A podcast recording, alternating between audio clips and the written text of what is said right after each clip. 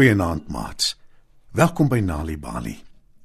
Het julle al agtergekom dat sommige diere in die natuur altyd saam is, al verskil hulle hemelsbreed? Het julle al ooit gewonder hoekom dit so is? Dink byvoorbeeld aan die renostervoël en die buffel. Hulle is altyd saam. In vanaand se storie, die verhaal van die renostervoël en die buffel, vind ons uit hoekom dit so is. Die storie is geskryf deur Kai Tuomi. Skuif dus nader en spits julle oortjies. Lank gelede het die renostervoël 'n helder geel bek gehad. En hy het in 'n klein hut gebly wat omring was deur 'n groter gekol lang sappige gras. Elke dag voordat hy vertrek om sy gunsteling kos te soek, vee hy sy hut skoon. En saans wanneer hy terugkeer, gelukkig en tevrede met 'n maag vol sprinkane, vliee en wurms, klim hy in sy nesbekkie om te slaap en te droom. Die renostervoël is 'n vredelewende siel, maar net die gedagte daaraan dat enige iemand die gras wat sy hut omring sal indring, maak hom sommer dadelik kwaad. En as dit gebeur, klap hy sy vlerke en hy vlieg verwoed heen en weer terwyl hy vir die indringers skree totdat hulle die aftog blaas. Want die renostervoël hou daarvan om op sy eie te bly om alleen te wees en om niks met enige iemand te deel nie. Eendag, terwyl die renostervoël uit is op soek na insekte, hoor hy 'n vreemde gedreun. Dit klink amper soos donderweer wat oor die heuwels weer klink. En behalwe die vreemde klank, verskans iets groot skielik die son. Wat is dit? Wat gaan aan?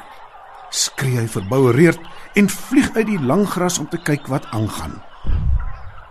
En daar sien die renostervoël 'n groot swart ongedierte met yslike horings wat deur sy kol gras loop. Hallo. Sê die dier toe hy hom sien. Ek het weke laas ordentlik geëet. Die lang gras is net wat ek nodig het. Jy gee nie om as ek daarvan eet nie, né? Nee, gaan weg. Sê die renostervoël.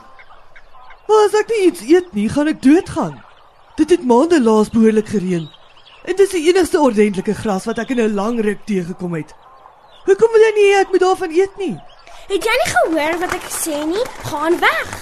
Sê die renostervoël terwyl hy verwoed al om die buffel se kop vlieg. Maar jy eet nie eers gras nie. Probeer die buffel opnuut. Kan ons dit nie maar deel nie? Ek deel nie. Hoor jy my? Dis myne, myne, myne. Gaan weg. Buffel snyf verslag in die lug. Toe knyp hy sy oë op skreefies. Hy is baie kwaad. Sy stert swai heen en weer en dit klap teen sy blaaie. Wel, aangesien jy so onbeskik is, laat jy my geen keuse nie. Ek is honger en ek gaan van jou gras eet of jy nou daarvan hou of nie.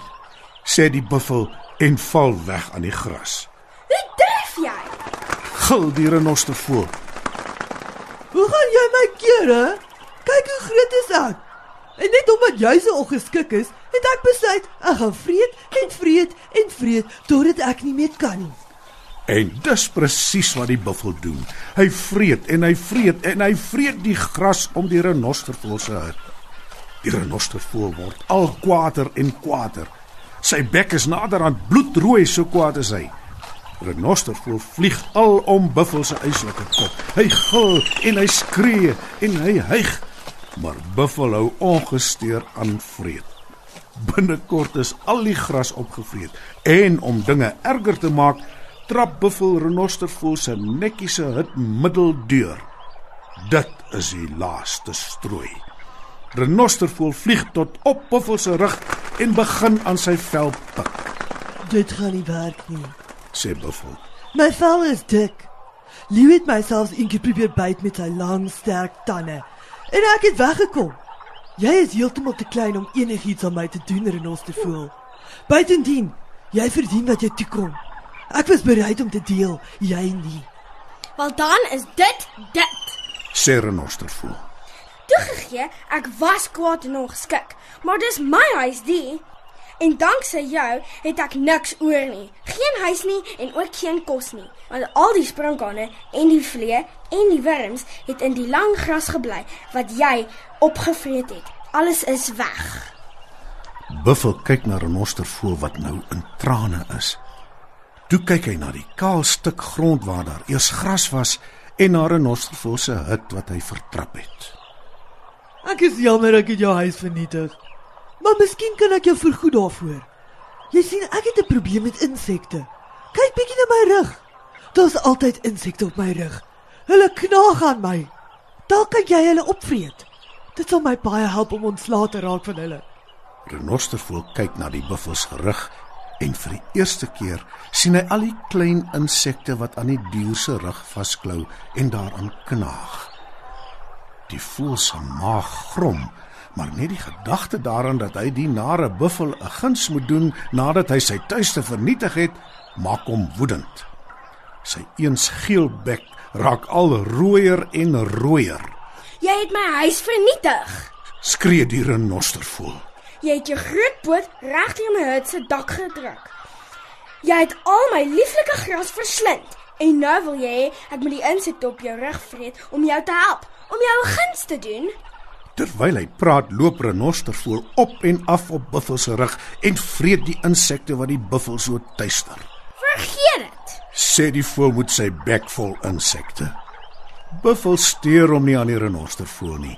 Hy stap maar net aan met die renostervoël steeds op sy rug wat heeltyd kla en verwyd terwyl hy insekte vreet. En dit is hoe dit nog steeds vandag gaan. Die renostervoël ry steeds op die buffel se rug en vreet al die insekte wat hom pla. Maar hy kla steeds elke dag want hy het buffel nog nooit vergewe nie. En dit is hoekom die renostervoël tot vandag toe 'n rooi bek het. Wanneer kinders tuistories hoor, help dit hulle om beter leerders te word op skool. Vir meer stories om vir kinders voor te lees of vir stories wat kinders self kan lees, besoek ons by www.nalibali.mobi. Daar is heelwat stories in verskeie tale absoluut gratis beskikbaar. Daar is ook wenke oor hoe om stories vir kinders te lees en met hulle te deel sodat hulle hulle volle potensiaal kan ontwikkel. Nalibali is ook op Facebook. Story Power. Bring dit huis toe.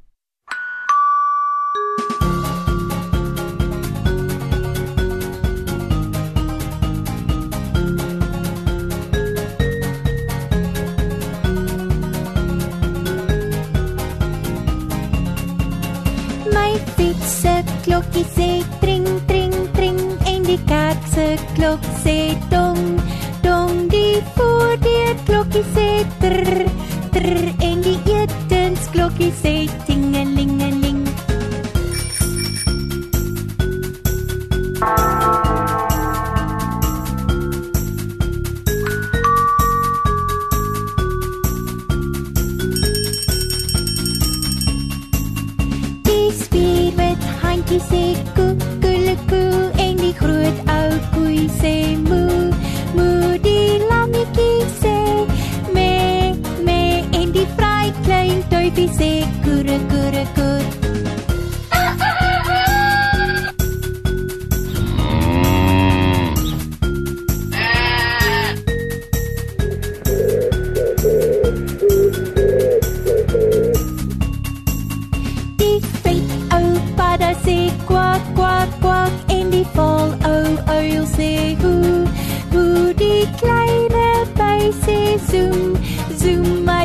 die skilpad hy bly chippy chippy stil